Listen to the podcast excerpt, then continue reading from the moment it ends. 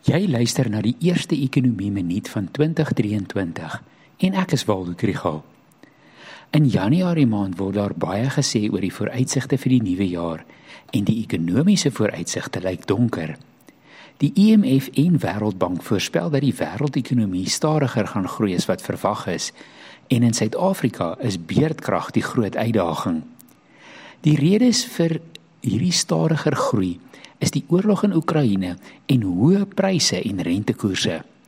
As gevolg van die oorlog is die internasionale aanbod van ruolie, landboukommoditeite soos koring en sonneblomme en ander dinge soos kunsmis kleiner en pryse bly hoog.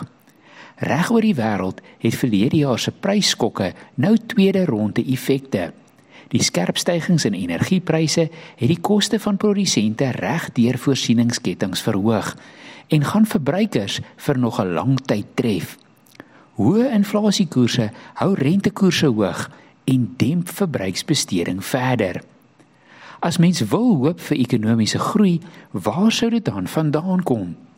Verbruiksbesteding word beperk deur hoë pryse en rentekoerse.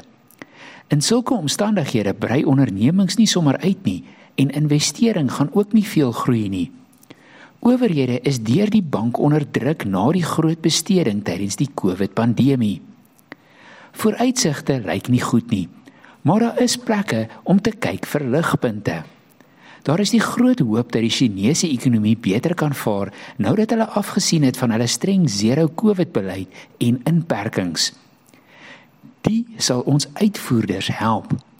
Daar is ook markdeelnemers wat dink dat Amerikaanse inflasie onder beheer gaan kom en dat hulle rentekoerse nie veel meer gaan verhoog nie. Dit sal die beurs en die wisselkoers help en eindelik dit ook moontlik maak om rentekoerse in Suid-Afrika te verlaag.